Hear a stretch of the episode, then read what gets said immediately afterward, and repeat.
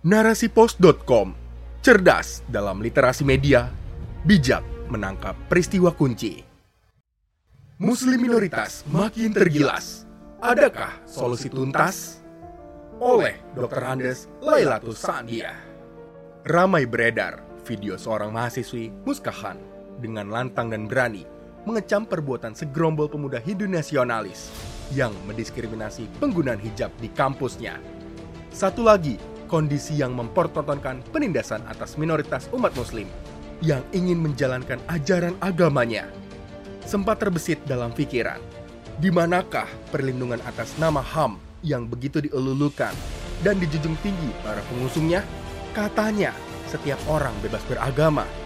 Nyatanya, biarlah ini menjadi bukti bagi orang-orang yang berpikir bahwa sejatinya HAM adalah konsep batil yang telah gagal menjamin kemuliaan manusia, termaksud untuk menjalankan ajaran agamanya. Sudah menjadi rahasia umum ketika yang terdiskriminasi adalah non-muslim. HAM diangkat sebagai penyelamat. Namun, ketika yang terdiskriminasi adalah umat muslim, mereka seakan tak giat bersikap. Ini adalah satu alasan mengapa umat muslim sering kali cenderung takut menampakkan keislamannya ketika menjadi kaum minoritas. Muslim minoritas selalu tertindas. Banyak beredar berita di sosial media, baik berupa tulisan ataupun video yang memperhatikan dan memperlihatkan bagaimana kondisi umat muslim minoritas di berbagai belahan dunia.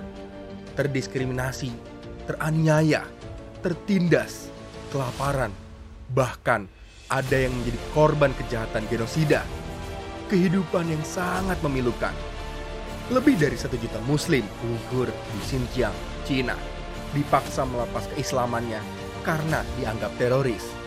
Pemerintah Myanmar melakukan genosida untuk memusnahkan populasi muslim Rohingya dan ratusan ribu lainnya harus lari menyelamatkan diri ke perbatasan Bangladesh. Belum lagi, kondisi umat muslim Palestina harus menghadapi kebiadaban penjajahan Israel, dirampas hak-haknya serta diusir dari tanahnya sendiri. Kini, giliran pemerintah India mulai menampakkan arogansinya. Seperangkat aturan mereka buat untuk mengebiri aktivitas minoritas umat muslim dalam menjalankan ajaran agama Islam. Inilah beberapa gambaran kondisi muslim minoritas di berbagai belahan dunia. Begitu memprihatinkan. Kondisi ini tak lantas menutup mata negeri-negeri muslim lainnya. Berbagai kecaman mereka lakukan bantuan logistik, bantuan secara hukum pun mereka upayakan. Lembaga serta organisasi internasional mereka gandeng untuk membahas penyelesaian dari berbagai masalah umat muslim. Namun faktanya, apa yang telah diupayakan tidak lantas mampu menyelesaikan berbagai masalah yang ada. Hal ini tidak lain karena negeri-negeri muslim terhalang oleh sekat-sekat nasionalisme. Langkah mereka terbatas.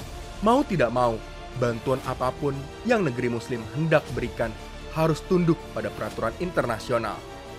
Peraturan yang sejatinya sangat melemahkan umat muslim dan sengaja diciptakan oleh barat agar umat muslim senantiasa terpuruk dan jauh dari kebangkitan. Kondisi ini sangat jauh berbeda ketika umat muslim hidup di bawah naungan pemerintah Islam. Perwujudan umat terbaik bukan hanya mimpi, bahkan tidak hanya hak-hak umat muslim yang dijamin oleh daulah Islam.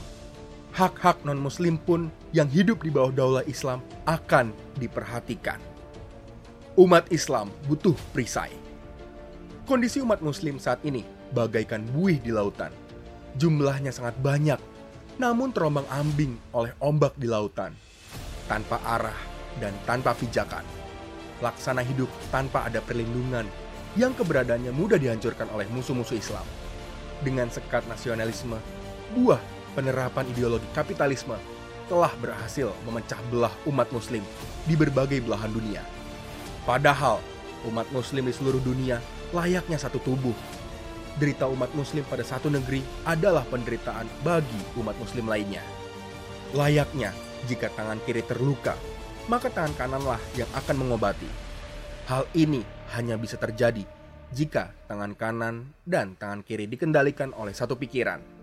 Namun, sayangnya, kondisi ini tidak akan pernah terwujud tanpa adanya khafilah sebagai satu kepemimpinan umat di bawah naungan Khalifah Islamiyah. Sudah 100 tahun umat muslim hidup tanpa adanya penerapan sistem Islam. Momen Rajab ini selayaknya menjadi pengingat kita semua bahwasanya 101 tahun lalu Khilafah Islamiyah telah dihancurkan oleh para pengusung kapitalisme.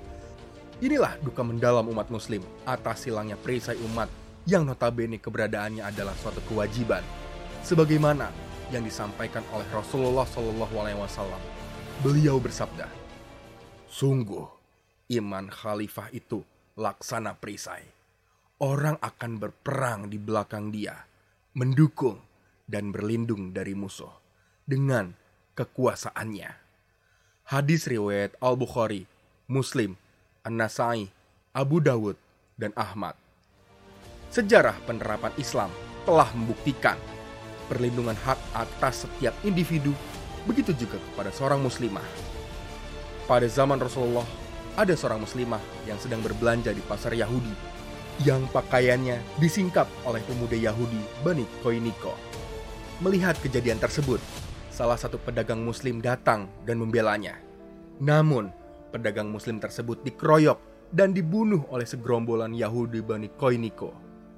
Mendengar berita tersebut, Rasulullah murka beliau mengirim pasukan untuk menghukum Yahudi Bani Koiniko.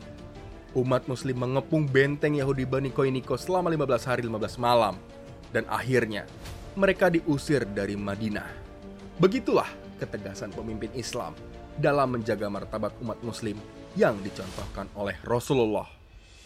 Khotimah Allah Subhanahu wa taala berfirman dalam surat Ali Imran ayat 110. Kamu umat muslim adalah umat terbaik yang dilahirkan untuk manusia, karena kamu menyuruh berbuat yang ma'ruf dan mencegah dari yang mungkar, dan beriman kepada Allah. Sekiranya ahli kitab beriman, tentulah itu lebih baik bagi mereka. Di antara mereka ada yang beriman, namun kebanyakan mereka adalah orang-orang fasih. Sesungguhnya, kondisi umat muslim sebagai umat terbaik hanya bisa terwujud di bawah naungan penerapan sistem Islam. Bukan di bawah penerapan sistem kapitalisme seperti sekarang ini. Sebagai muslimah, kita harus memiliki keyakinan yang kuat bahwa sistem kapitalisme sudah diambang kehancuran dan Allah akan menolong orang-orang yang senantiasa berjuang menegakkan kebenaran untuk meraih ridhonya. Maka dari itu, jangan pernah lelah untuk terus berdakwah dan menyampaikan ajaran Islam di tengah-tengah umat. Karena sejatinya, sebagai seorang Muslim, apa yang kita lakukan akan kita pertanggungjawabkan di hadapan Allah Subhanahu wa Ta'ala. Dibacakan oleh Tisadi Eko Muhammad